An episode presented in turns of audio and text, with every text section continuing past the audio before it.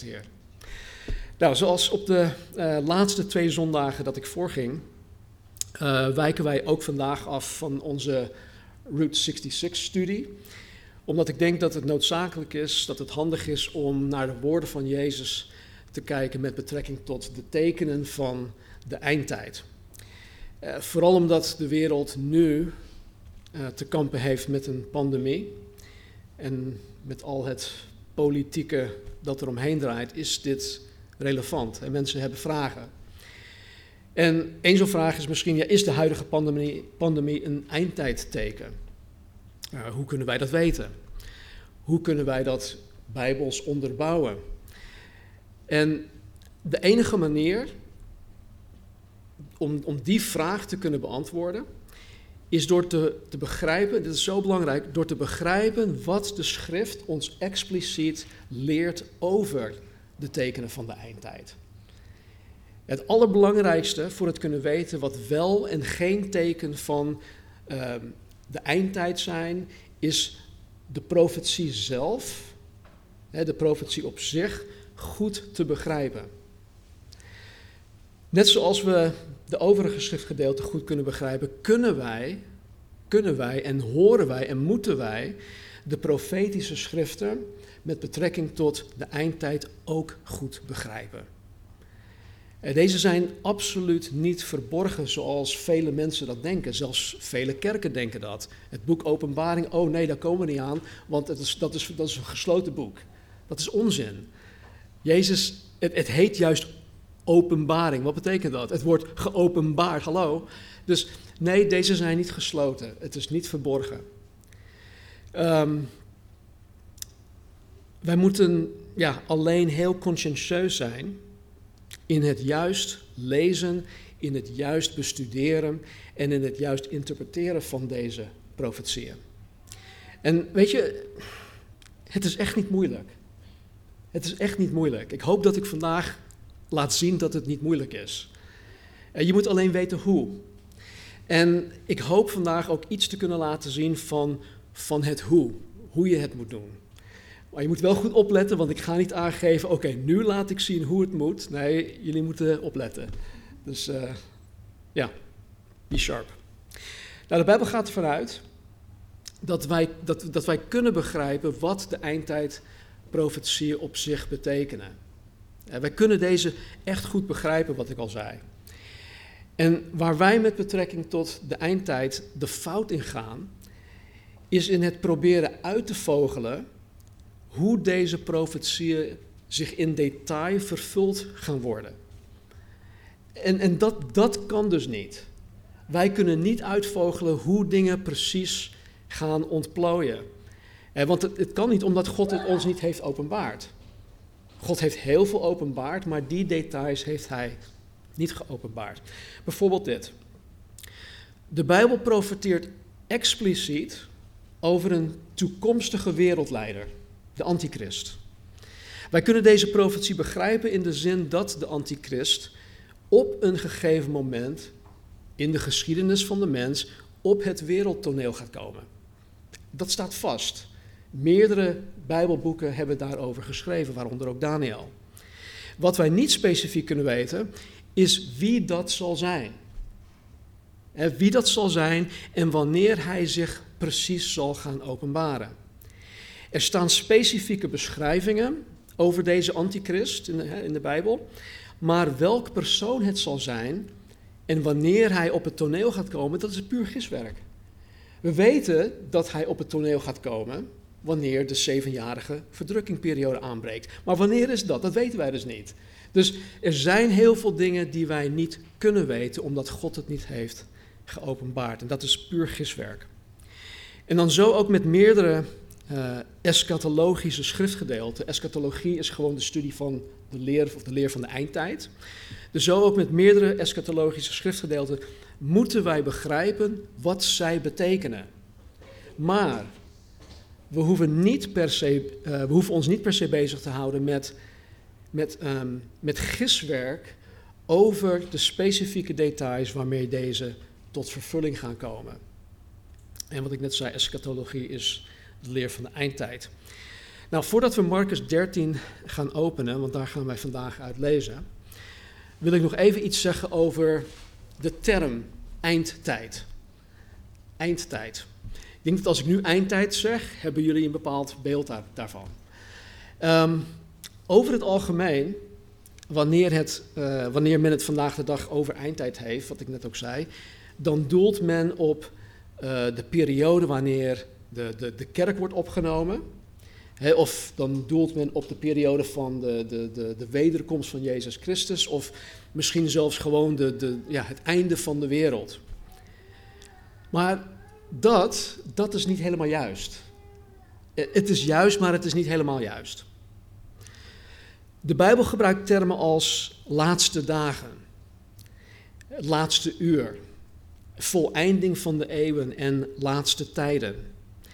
En de Bijbel gebruikt deze termen niet om de tijden van de opname of van de wederkomst of van het einde van de wereld te beschrijven, maar, dit, is, dit, is, dit, is, dit was ook nieuw voor mij, maar de eerste komst van Jezus.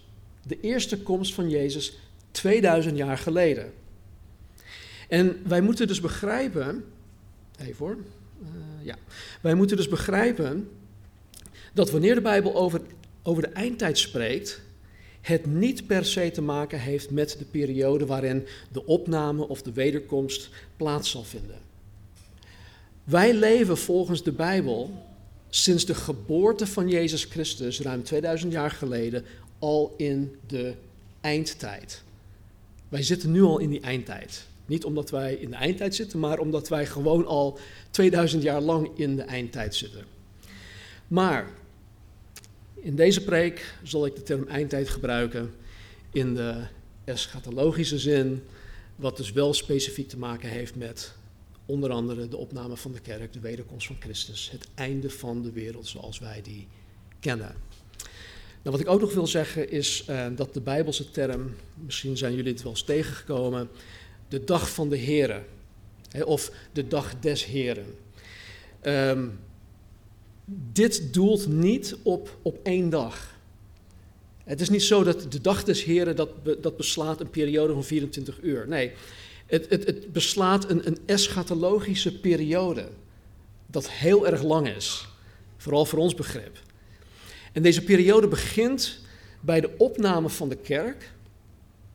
En het gaat dan helemaal door tot aan het eind van het duizendjarig vrederijk van Jezus Christus, wanneer het laatste oordeel plaats zal vinden. En de dag van de Heer beslaat dus een periode van, van ruim duizend jaar. En vandaar dat, dat de, de, de apostel Petrus uh, in de context van het uitleggen van de dag van de Heer dit schreef. Hij schreef in 2 Petrus 3:8 dit. Maar laat vooral dit u niet ontgaan, geliefden, dat één dag bij de Heer is als duizend jaar en duizend jaar als één dag. En dus God, God ziet dingen anders dan wij en God werkt anders dan wij. Ja, dus even die begrippen, eindtijd, niet alleen de eindtijd, maar de hele tijd, het hele tijdperk van de kerk.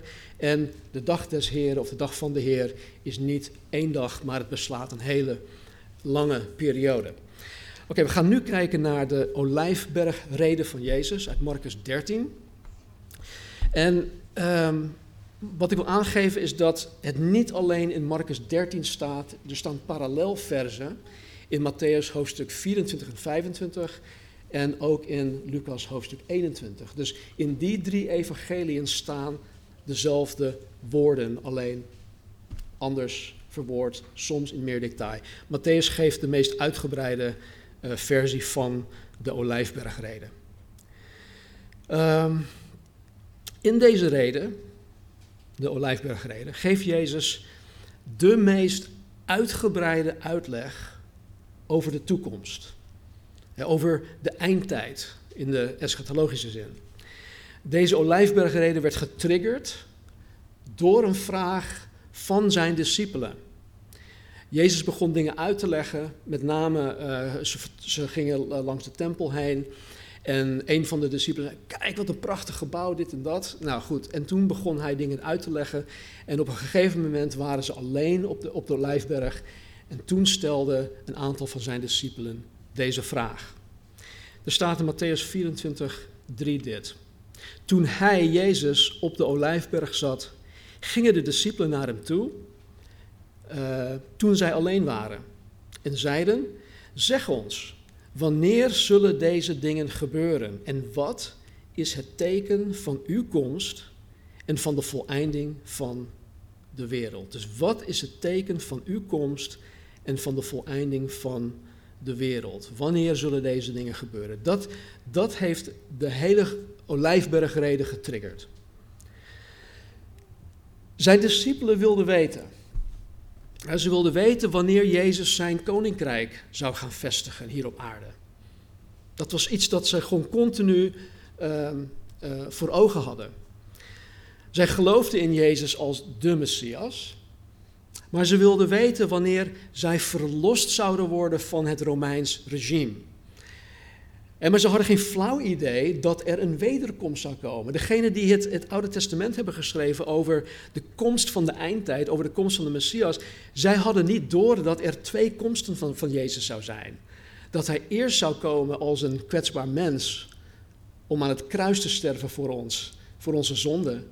En vervolgens weer uit de dood opstaan. En dat hij pas veel later terug zou komen als de vredevorst, als degene die hier op aarde zou, zou gaan regeren.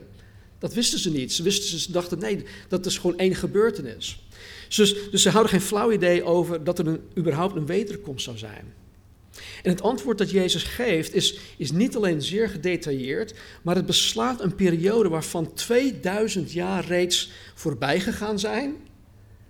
En nog zeker op zijn minst, anno 2021, uh, ruim duizend jaar vooruit kijkt. Mocht de opname snel komen. En, en dit is typisch van veel profetieën in de Bijbel. In, in profetieën is er, is er bijna altijd sprake van een, een nabije vervulling van de profetie en een in de verte vervulling van de profetie. Eh, denk bijvoorbeeld aan Handelingen 2. Handelingen 2, Pinksteren gebeurt, Heilige Geest vervult. Petrus die gaat uitleggen wat daar gaande is. En in zijn preeks haalt hij uh, op een gegeven moment een profetie uit Joel 2 aan. En dan staat er dit. Hij legt uit, Petrus, in zijn preek. En het zal zijn in de laatste dagen, zegt God, dat ik zal uitstorten van mijn geest op alle vlees. En uw zonen en uw dochters zullen profiteren. Uw jonge mannen zullen visioenen zien en uw ouderen zullen dromen dromen. En ook op mijn dienaren en op mijn dienaressen zal ik in die dagen van mijn geest uitstorten en zij zullen profiteren. En ik zal wonderen geven in de hemel boven en tekenen op de aarde beneden, bloed, vuur en rookwalm. De zon zal veranderd worden in duisternis en de maan in bloed, voordat de grote en ontzagwekkende dag van de Heere komt. Die periode. En het zal zo zijn dat ieder die de naam van de Heere zal aanroepen, zalig zal worden. Tot zover. Versen 17 en 18 die zijn gedeeltelijk vervuld met Pinksteren. Maar versen 19 tot 21, die, die zullen pas tijdens de grote verdrukking vervuld gaan worden. Dus in deze profetie zit een, zit een nabije vervulling en een in de verre verte vervulling. Er gaan gewoon duizenden jaren overheen. Dus nogmaals op de vraag, wat is het teken van uw komst en van de voleinding van de wereld, geeft Jezus een antwoord dat een nabije vervulling heeft en een in de verre verte vervulling. En zijn antwoord begint hiermee. Marcus 13, vers 5 en 6. Staat dat daar goed? Oké, er staat in Jezus antwoorden, antwoorden hun, en begon te zeggen: Pas op dat niemand u misleidt.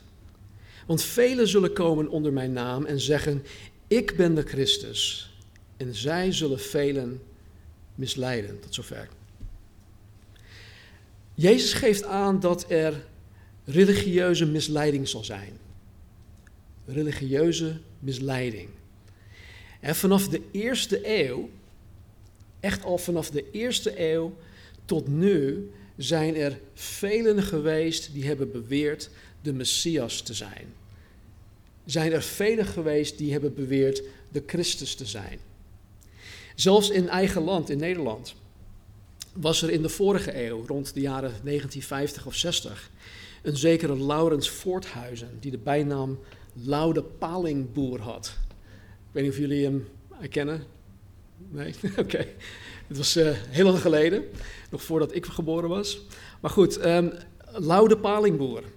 Hij beweerde het opstandingslichaam van Jezus Christus te zijn geweest. Denk bijvoorbeeld ook aan de verschillende secten die nu nog bestaan. Denk aan de Jehovah's getuigen of de Mormonen of de zevende dag Adventisten. Zij beweren allemaal een, een vorm van Jezus Christus na te volgen, aan te hangen. Maar het is niet de Jezus Christus van de Bijbel, het is een andere Jezus. Nou, ik geef dit aan omdat er vanaf de eerste eeuw, dus 2000 jaar geleden, al velen waren die beweerden Jezus of de Messias te zijn. Dit is dus niet per se een teken van de eschatologische eindtijd. Het is een teken van de eindtijd, vanaf het begin van de kerk tot, tot heden, tot aan de opname. Nou, in Marcus 13, en misschien willen jullie dit opschrijven, vers 5 tot en met 13, geeft Jezus aan hoe het tijdperk van de kerk gekenmerkt wordt. Um, heb ik een slide? Ja. Met andere woorden, hoe de geschiedenis van de mens vanaf het begin van de kerk tot aan de opname van de kerk gekenmerkt wordt. Dat geeft Jezus aan in versen 5 tot en met 13. En ja, wat we daarin zien, we gaan het niet allemaal lezen, want we hebben geen tijd. Maar wat we daarin zien, je kan het nalezen, of als je het van de week al hebt gelezen, dan ga je dit herkennen. Deze periode wordt gekenmerkt door, wat ik net zei, religieuze misleiding.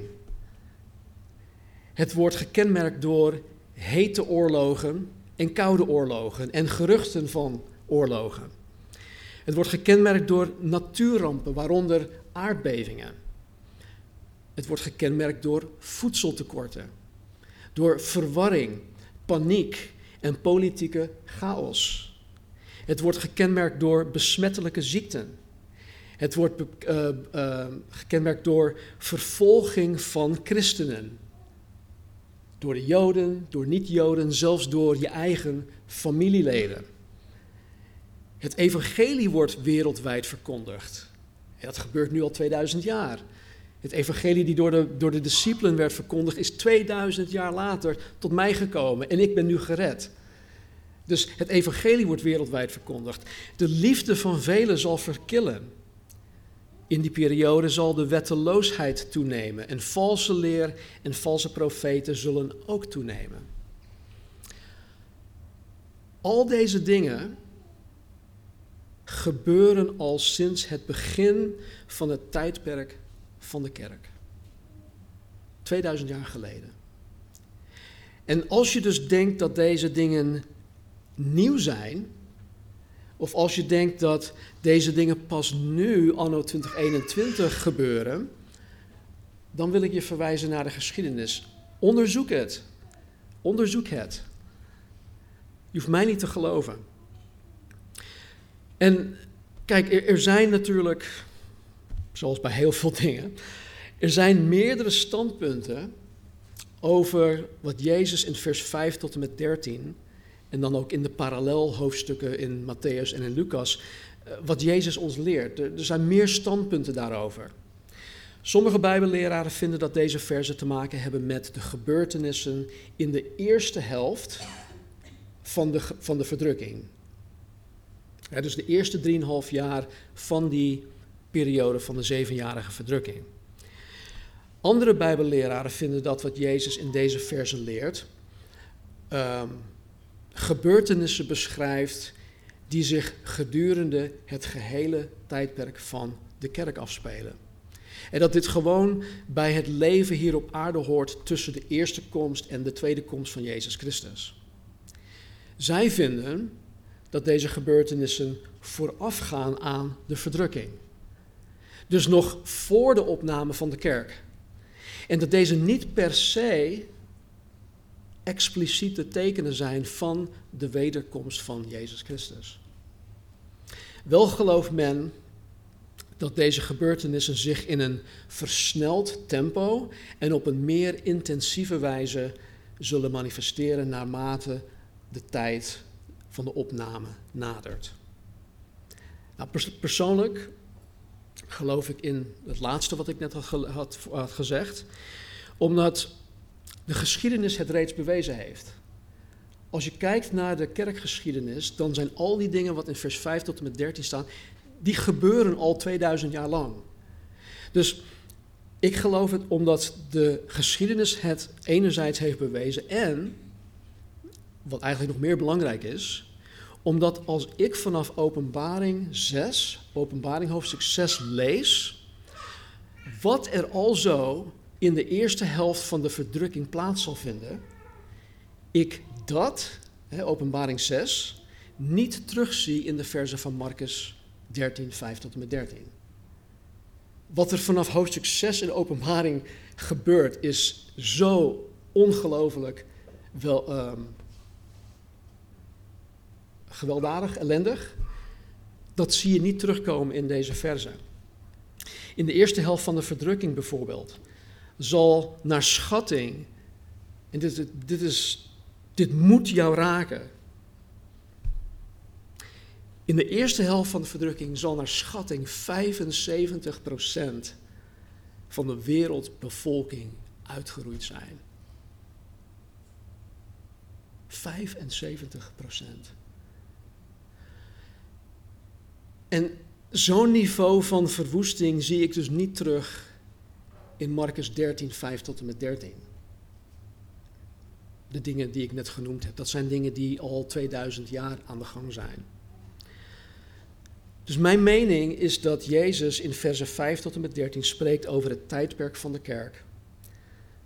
Tot op, tot op het moment dat hij komt om zijn kerk op te nemen en naar de hemel te brengen. Nou, hoe ik tot deze conclusie ben gekomen, ik geef je toch iets mee, is door de drie parallel schriftgedeelten, hè, Matthäus 24, 25, Marcus 13 en Lucas 21, door die drie met elkaar te vergelijken en dan die drie met openbaring 6 tot en met ongeveer openbaring 11 te gaan vergelijken. Want daar staat in groot detail wat er tijdens de uh, verdrukking gaat gebeuren. Openbaring 6 tot en met 19. Ehm, nou goed, ik heb ook gekeken naar de geschiedenis en wat er al zo heeft plaatsgevonden eh, op de gebieden van wat er in vers, versen 5 tot en met 13 wordt omschreven. Nou, in versen 14 tot en met 23 in Marcus 13 beschrijft Jezus de tweede helft van de verdrukking. Eh, wat ook de grote verdrukking wordt genoemd waarvan Jezus zegt dat er op aarde nog nooit tevoren zoveel ellende is geweest en daarna ook nooit meer zal zijn. En de details van deze zevenjarige periode, wat de verdrukking genoemd wordt, die staan geschreven, in detail geschreven in Openbaring 6 tot en met hoofdstuk 19. En daar heb ik, jaren geleden heb ik daar iets van 22 studies over gegeven. Die staan op de website, die staan ook op YouTube. Dus als u wil weten waar de grote verdrukking over gaat, wat er allemaal gaat gebeuren, kijk naar openbaring 6 tot en met 19. Nou, het enige dat ik nu over dit, dit specifiek stuk wil zeggen, is dat Jezus in vers 14 aangeeft dat wat hij zegt te begrijpen is. Niet alleen voor ons, maar ook voor de lezers in de toekomst. Marcus 13, vers 14. Er staat, wanneer u dan de gruwel van de verwoesting, waarover de profeet Daniel gesproken is, zult zien staan waar het niet hoort, laat hij die het leest daarop letten. Laten dan zij die in Judea zijn vluchten naar de bergen, tot zover. De uitspraak, laat hij die het leest daarop letten, geeft ten eerste aan dat de ontvangers van deze woorden van Jezus de Joden zijn die de grote verdrukking mee gaan maken. Dat zijn Joden die in de grote verdrukking zitten. En ten tweede impliceren de woorden daarop letten in de grondtekst dat men de woorden, oftewel deze profetie van Jezus, kan begrijpen. Het is niet verborgen. Het is open en bloot en mensen kunnen het snappen. Ook wij kunnen dit snappen. dus, dus degenen voor wie dit is geschreven, degenen die de grote verdrukking mee gaan maken, zullen precies weten wat Jezus hiermee bedoelt. Oké, verder. Um, vers 24. Vers 24 staat hier.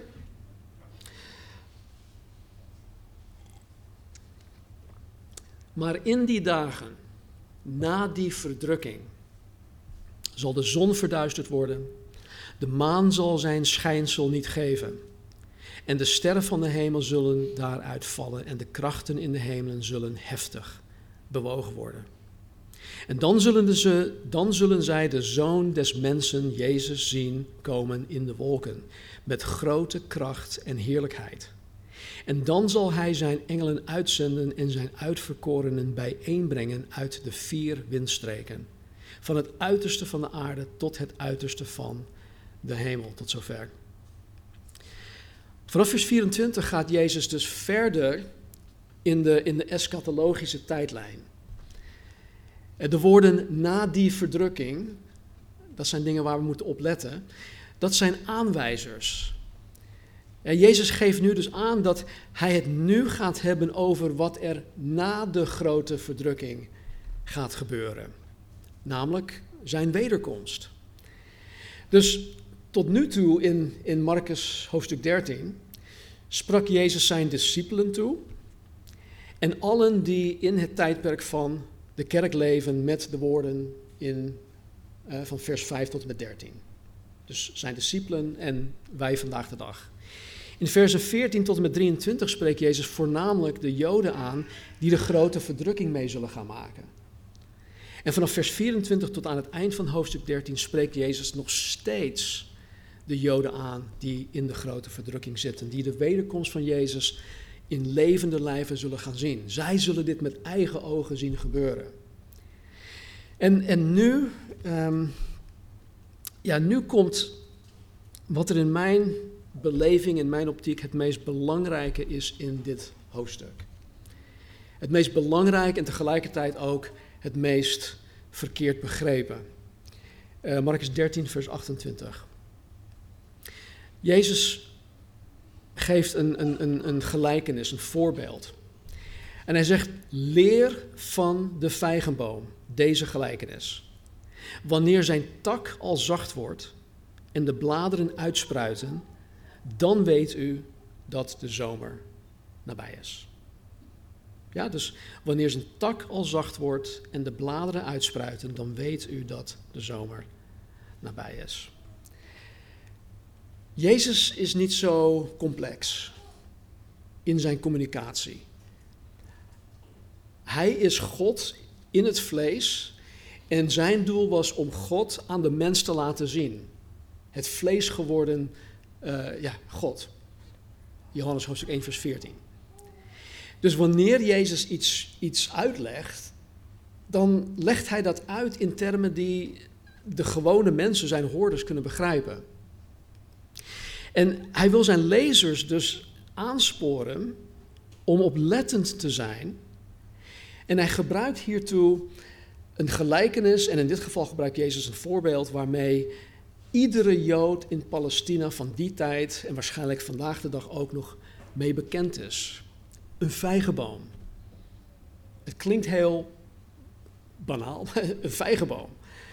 Nou, in het Oude Testament wordt de vijgenboom zo'n 23 keer genoemd en de vrucht vijgen zo'n 20 keer. Vijgen en vijgenbomen waren bij de Joden bekend. Is Amit hier? Nee, Amit is daar. Vraag maar aan, Amit of zij weet wat een vijgenboom is. 100% zeker dat Amit weet wat een vijgenboom is. Waarom? Omdat zij Joods is. Um, dus Het is iets dat voor iedereen bekend is.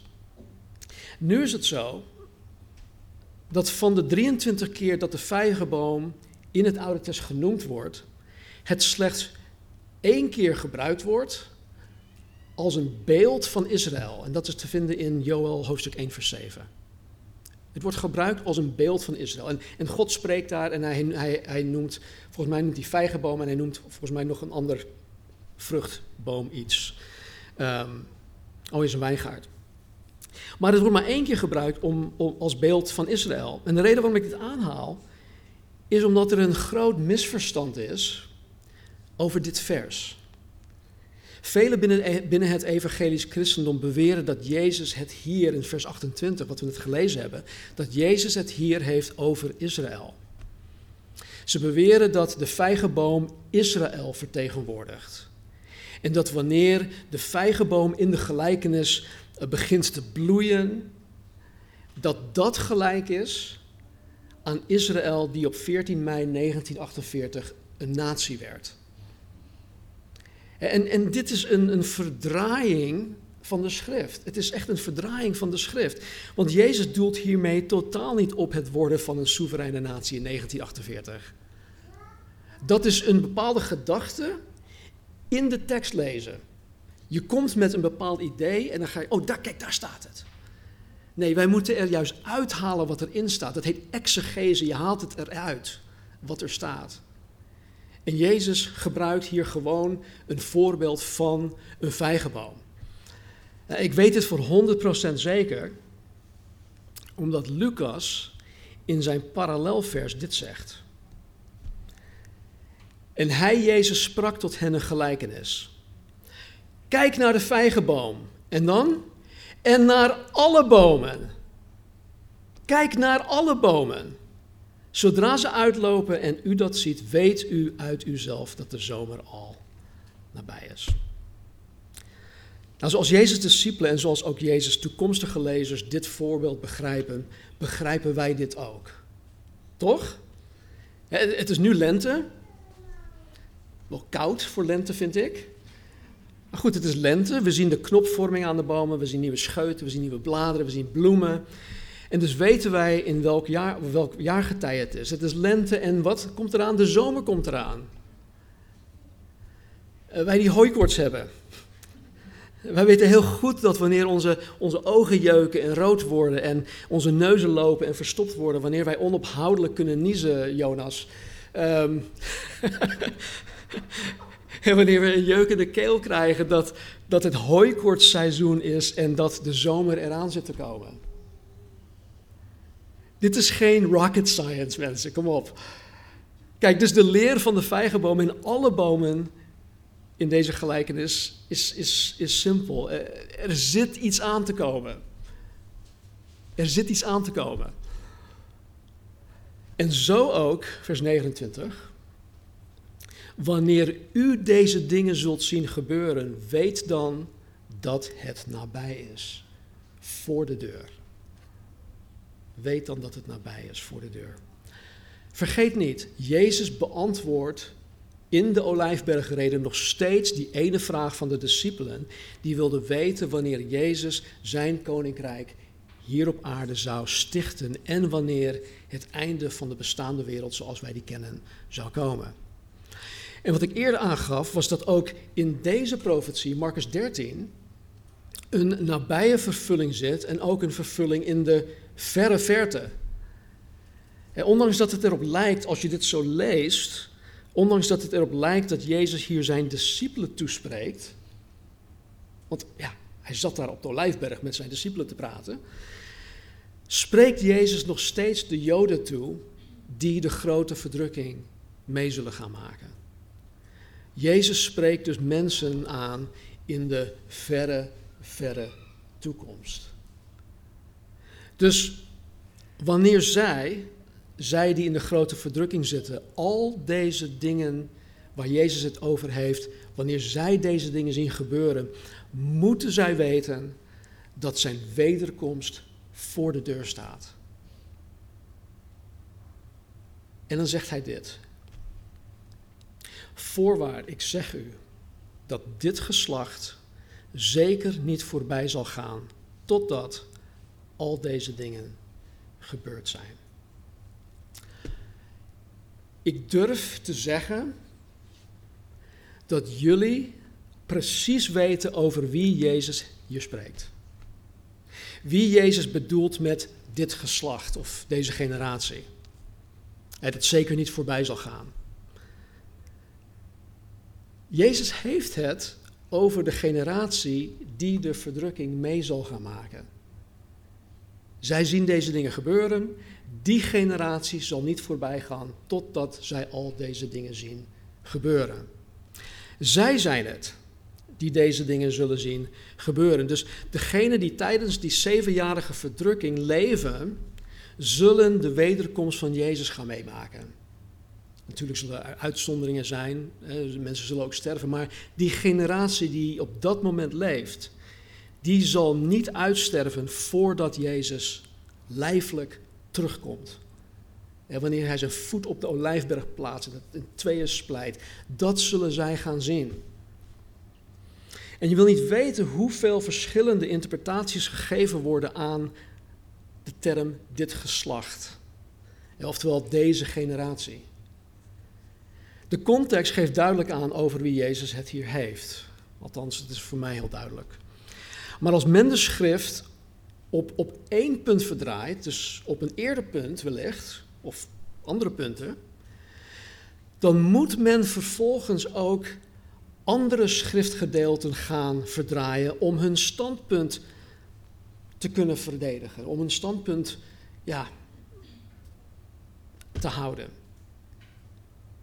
Bijvoorbeeld, als men beweert dat de gelijkenis van de vijgenboom op het worden van de natie Israël doelt, dan verandert dat de gehele gelijkenis.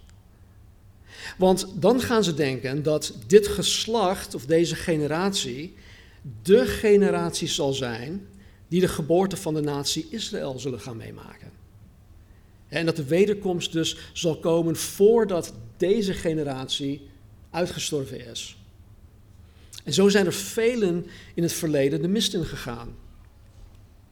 En ze, dacht, uh, ze dachten dat iemand die dan bijvoorbeeld in 1948 geboren uh, die in ja, 1948 de geboorte van Israël meemaakte, niet zou sterven totdat Jezus terug zou komen. Dus iemand die in 1948 leefde, die generatie zou dus leven totdat Jezus terug zou komen. En ja, mensen begonnen dan uh, vele berekeningen te maken om te voorspellen wanneer Jezus terug zou komen. En stel dat je in 1948 geboren was en dat een, eh, volgens de Bijbel een generatie uit 40 jaar bestaat, dan zou Jezus ergens in 1988 om en nabij teruggekomen moeten zijn. Het is nu wat? 2021. En, en dit is dus wat ik bedoel met dat wij de profetieën op zich goed moeten begrijpen. Want als wij de profetieën al niet begrijpen, hoe kunnen wij weten wat wij wel of niet kunnen verwachten? Dan gaat alles mank. Dan, is er heel, dan heb je alleen maar een hoop verwarring. En nu geeft Jezus iets aan over de autoriteit van zijn woord. De hemel en aarde zullen voorbij gaan, maar mijn woorden zullen zeker niet voorbij gaan. Jezus verklaart dat de hemel en de aarde zoals wij die nu kennen, voorbij zullen gaan. De aarde waarop wij wonen is tijdelijk. Het zal vergaan. En als je de details hierover wil weten, lees 2 Petrus hoofdstuk 3, lees Openbaring 21 en Openbaring 22. Wat Jezus in dit vers ook duidelijk maakt, is dat zijn woorden, oftewel het woord van God, de Bijbel, tot in elke punt en komma vervuld gaat worden. Dat gaf hij ook aan in Matthäus hoofdstuk 5 in de bergreden. En de honderden profetieën die reeds met 100% nauwkeurigheid vervuld zijn, zijn het bewijs daarvan. God is getrouw, hij houdt zich aan zijn woord. Maar, zegt Jezus, maar die dag en dat moment is aan niemand bekend. Ook aan de engelen in de hemel niet. Ook aan de zoon niet, dus Jezus, maar alleen aan de Vader. Jezus spreekt hier over de dag en over het moment dat Jezus terugkomt, zijn wederkomst. En dan zegt hij dat niemand weet wanneer dat zal gebeuren. Niemand. Als Jezus zegt dat zelfs de engelen die in Gods aanwezigheid zijn, die deelgenoot zijn van Gods werk en zijn reddingsplan, als zij het niet weten wanneer Jezus terug gaat komen, waarom zijn er vandaag de dag nog steeds mensen die denken te weten wanneer Jezus terug gaat komen? Ik, ik, ik snap dat niet. Sterker nog, Jezus wist het als mens zijnde ook niet, geeft Jezus aan. En weet je, dit is zo'n uh, betwistbaar vers. En, en niet-gelovige mensen, vooral um, um, uh, de moslims, gebruiken of misbruiken dit vers om aan te tonen dat Jezus zelf niet God is. Ik kan niet al te diep op ingaan, maar ze hebben zo'n beredenering. Als God alwetend is, en als Jezus daadwerkelijk God is, dan zou hij ook moeten weten wanneer hij terugkomt. Toch? Nou, dat klinkt heel logisch. Maar wij weten uit Filippenzen dat Jezus zijn godheid heeft afgelegd. Hij heeft zijn godheid afgelegd. En dat hij er bewust voor koos om geen beroep te doen op zijn godheid. Hij heeft er bewust voor gekozen om geen beroep te doen op het God zijn toen hij hier als mens op aarde was. Maar pas na zijn opstanding, na zijn opstanding uit de dood, nu hij aan de rechterhand van God de Vader gezeten is in de hemel, is Jezus zoals hij was voordat hij als mens geboren was. Hè, voordat hij naar de aarde toe kwam. Toen was hij al wetend en nu is hij weer al wetend. Dat mens zijn, dat heeft hij nu ook afgelegd, want hij is verheerlijkt, is hij opgestaan. En hij is nu weer min of meer zoals hij was. In Handelingen 1, uh, eh, net voor de hemelvaart, stelden de discipelen wederom de vraag: Wanneer gaat u uw koninkrijk hier op aarde vestigen? En net als hier in Marcus, um, wat zij zeiden, ja, wil Jezus hun natuurlijk antwoord geven op die vraag. Maar deze keer antwoordde Jezus hen anders. Hij zei uh, dit: Hij zegt: Het komt u niet toe. Dus zijn discipelen: Het komt u niet toe de tijden of gelegenheden te weten die de Vader in zijn eigen macht gesteld heeft. Deze keer, nadat Jezus uit de dood was opgestaan, geeft hij aan dat het hen niet toekomt. Het komt hun niet toe om te weten wanneer Jezus terug gaat komen. Maar hij zei niet dat hij het zelf niet wist. Nou, dat is misschien wel betwistbaar, maar ik ben ervan overtuigd dat Jezus dat expres heeft gezegd, omdat hij het op dat moment zelf wel wist. En dat hij expliciet, expliciet zegt, het, is, het komt jullie niet toe om dat te weten. Maar goed. Vers 13, hoofdstuk 13, eh, sorry, en dan de laatste verse, en hier sluit ik mee af. Let op, waak en bid, want u weet niet wanneer het de tijd is. Het zal zijn als bij iemand die naar het buitenland ging. Hij verliet zijn huis, gaf zijn dienaren volmacht en gaf aan ieder zijn werk en gebood de deurwachter waakzaam te zijn. Uh, ja. Wees dus waakzaam, want u weet niet wanneer de Heer des huizes komt. S'avonds laat of de middernacht of met het hanengekraai of s morgens vroeg, opdat hij u niet, als hij plotseling komt, slapend aantreft. En wat ik tegen u zeg, zeg ik tegen allen, wees waakzaam. Jezus spreekt nog steeds tegen de Joden die in de grote verdrukking zitten. Maar ik geloof dat de waarschuwing ook op ons van toepassing is. Jezus spreekt hier wederom in een, um, in een gelijkenis. En de strekking van deze gelijkenis is uh, dat men niet weet, men niet weet wanneer de Heer des huizes terugkomt. Dus moeten zij te allen tijden gereed zijn op zijn komst. Ze moeten hem te allen tijden verwachten. Nou, even een, uh, even een zijspoortje. De Romeinen, die verdeelden hun, hun dagen en hun nachten in veren. En de Bijbel verwoordt deze periodes van drie uur uh, als waken. dus je hebt een nachtwaak, waken. En dus de eerste nachtwaken is van 6 uur s'avonds tot 9 uur s'avonds. De tweede is van 9 uur tot, tot 12 uur. De derde nachtwaak is van 12 uur tot 3 uur. En de vierde nachtwaak is van 3 uur tot 6 uur s morgens. Dus als Jezus zegt, u weet niet wanneer de Heer des huizes komt, s'avonds laat of de middernacht of met het hanengekraai of s vroeg, dan heeft Jezus deze vier kwartalen voor ogen, die vier nachtwaken. En de boodschap is, ze weten dus niet wanneer Jezus terug gaat komen. Dus wees, wees er klaar voor. Nou, uit de verschillende profetieën weten wij dat de verdrukking zeven jaar lang zal duren. Dat staat in, op verschillende plekken. Dus je zou haast kunnen denken dat vanaf het moment dat de antichrist zich ehm, zal laten zien en wanneer hij zich openbaart, wanneer hij de tempel zal schenden, dat je vanaf dat moment gewoon drieënhalf jaar vooruit kan tellen en dan denk je, nou, dan komt Jezus terug. Het is een periode van zeven jaar, na de, de, uh, de antichrist wordt openbaar, halverwege, nu nog drieënhalf jaar. Dus dan kan je uitrekenen wanneer Jezus terugkomt. Maar in Daniel, Daniel 12, plakt hij er tussen de 30 en 75 dagen aan. Waarom doet hij dat nou? Vervelend.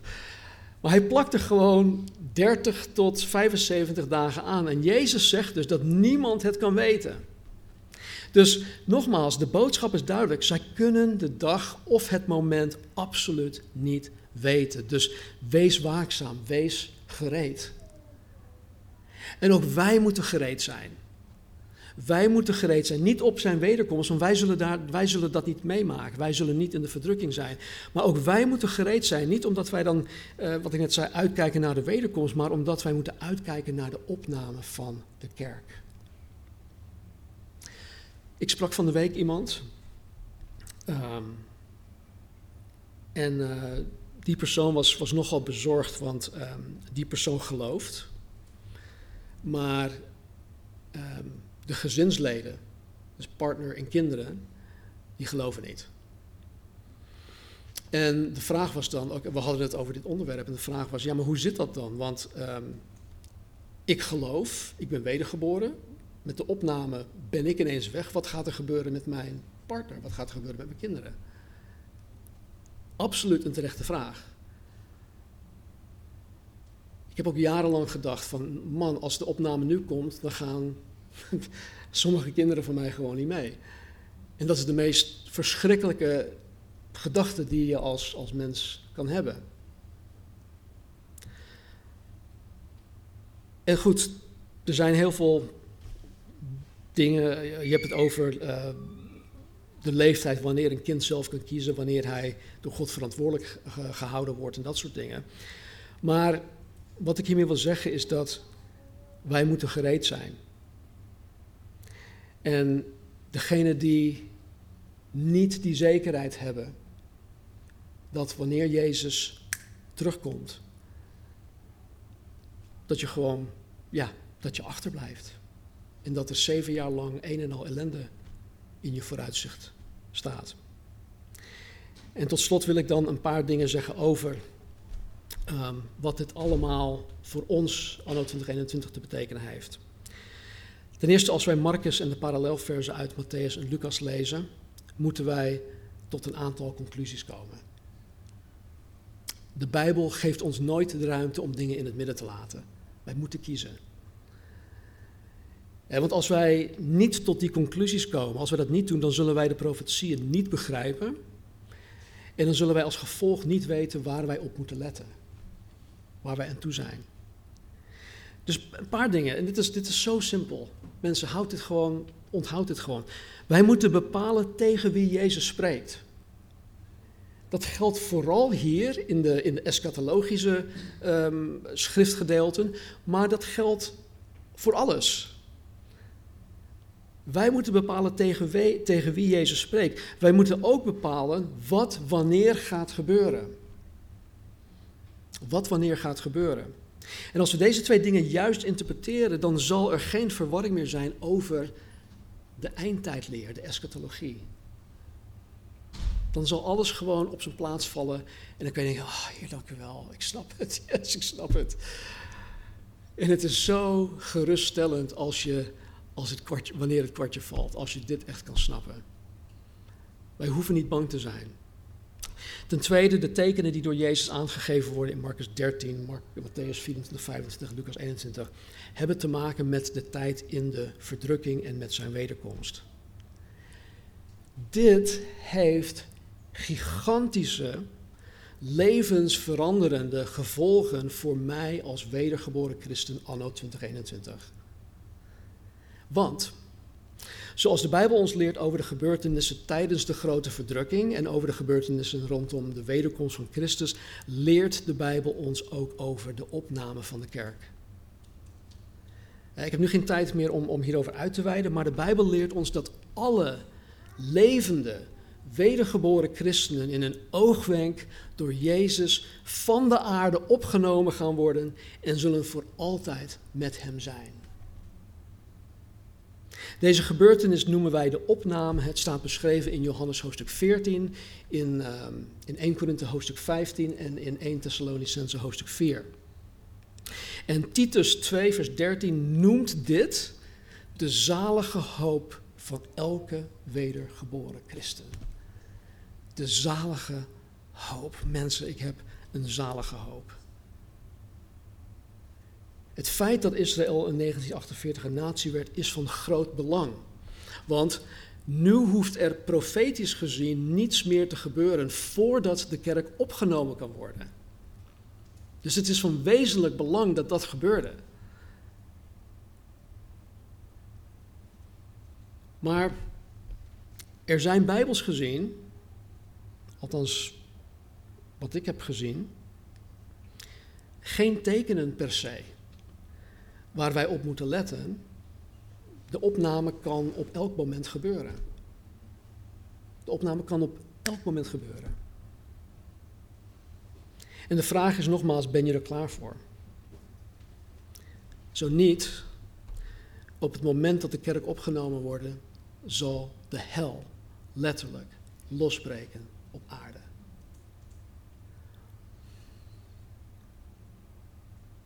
Lees Openbaring 6 tot en met 19. Ja, er zal nog een kans voor jou zijn om alsnog tot geloof te komen. Er zullen miljoenen mensen tijdens de grote verdrukking tot geloof gaan komen. Maar die zullen het ook, um, het, het, het, gaat, het gaat hen hun leven kosten. Vandaar dat de Bijbel ook zegt, het is nu, nu, het gunstige ogenblik. Het is nu de dag van de redding. Grijp die kans, die gelegenheid nu aan. Want je weet nooit, wij weten nooit, of het vandaag zal zijn of morgen zal zijn. Maar we weten wel dat Hij spoedig terug kan komen. Laten we bidden. Heere God, dank u wel dat u uw woord hebt gegeven, Heer. Vooral op dit gebied wat de toekomst betreft. Dank u wel, Jezus, dat u het ja, zo eenvoudig hebt gemaakt dat zelfs kinderen het kunnen begrijpen. En Heer, vergeef ons waar wij het zo moeilijk hebben gemaakt. Waar wij het zo complex en gecompliceerd hebben gemaakt. Help ons om deze woorden uit Marcus 13, Matthäus 24 en 25, Lucas 21, heren, te begrijpen en te, te snappen als kinderen. In die eenvoud. Help ons, wanneer wij de Bijbel lezen, meer oplettend te zijn. Om te, te zien, heren, tot wie er gesproken wordt. Om te zien wat er gebeurt en wanneer dingen gaan gebeuren. Of wat er gebeurd is. Help ons. En vader, voor degene die met rijkhalzend verlangen de opname van de kerk, heren, verwachten. Dank u wel daarvoor. Help ons dan ook zo te leven Heer, dat wij elk moment u kunnen verwachten. Heer, dat wanneer u komt, wanneer u ons ophaalt, opneemt, Heer, dat wij bezig zullen zijn met de dingen van de Heer. Dat wij ons niet hoeven te beschamen. En Heer, voor degenen die u nog niet kennen, die hun levens, die hun harten nog niet aan u hebben gegeven, die u nog niet hebben aangenomen als Heer, als Redder, Verlosser. Heer, laat nu het moment zijn.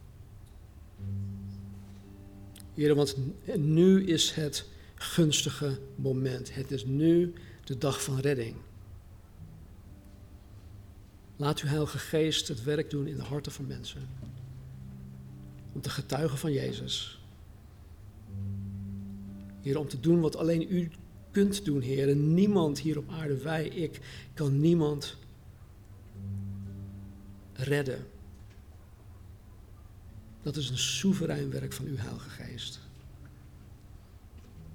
En Jezus, zoals u tot twee keer toe had gezegd, dat niemand tot Jezus kan komen tenzij de Vader hem of haar trekt. Vader, we bidden dat u en ieder die u nog niet kent, op dit moment naar Jezus toe zal trekken. Wij verwachten het van u, Heer. En we zien uit naar het moment, Heer, dat wij in een oogwenk veranderd zullen worden. Heer, van het sterfelijk lichaam naar het verheerlijk lichaam. O Heer, wat zie ik er naar uit? Doe uw werk. Zegen uw kerk. Geef ons kracht en moed. En Heer, doe wat u alleen kan doen. Red mensen. In Jezus' naam. Amen. Ik wil afsluiten met een aantal woorden uit Titus, hoofdstuk 2, vers 11 tot en met 14. Paulus schrijft: De zaligmakende genade van God is verschenen aan alle mensen. Hoor je dat? De zaligmakende genade van God is verschenen aan alle mensen. Niemand heeft een excuus. En het leert ons de goddeloosheid en de wereldse begeerten te verlogenen en in deze tegenwoordige wereld bezonnen, rechtvaardig en godvruchtig te leven. Terwijl wij verwachten de zalige hoop en verschijning van de heerlijkheid van de grote God en onze zaligmaker Jezus Christus. Hij heeft zichzelf voor ons gegeven, opdat Hij ons zou vrijkopen van alle wetteloosheid en voor zichzelf een eigen volk zou reinigen, ijverig in goede werken. Wat een genade. Wat een liefde, wat een genade. Man. God zegen jullie. Ga met deze boodschap de week in. Deel het met zoveel mensen mogelijk als mogelijk. En wandel gewoon dicht bij de Heer. Hij kan op elk moment terugkomen om ons op te nemen. God zegen. Laten we zingen.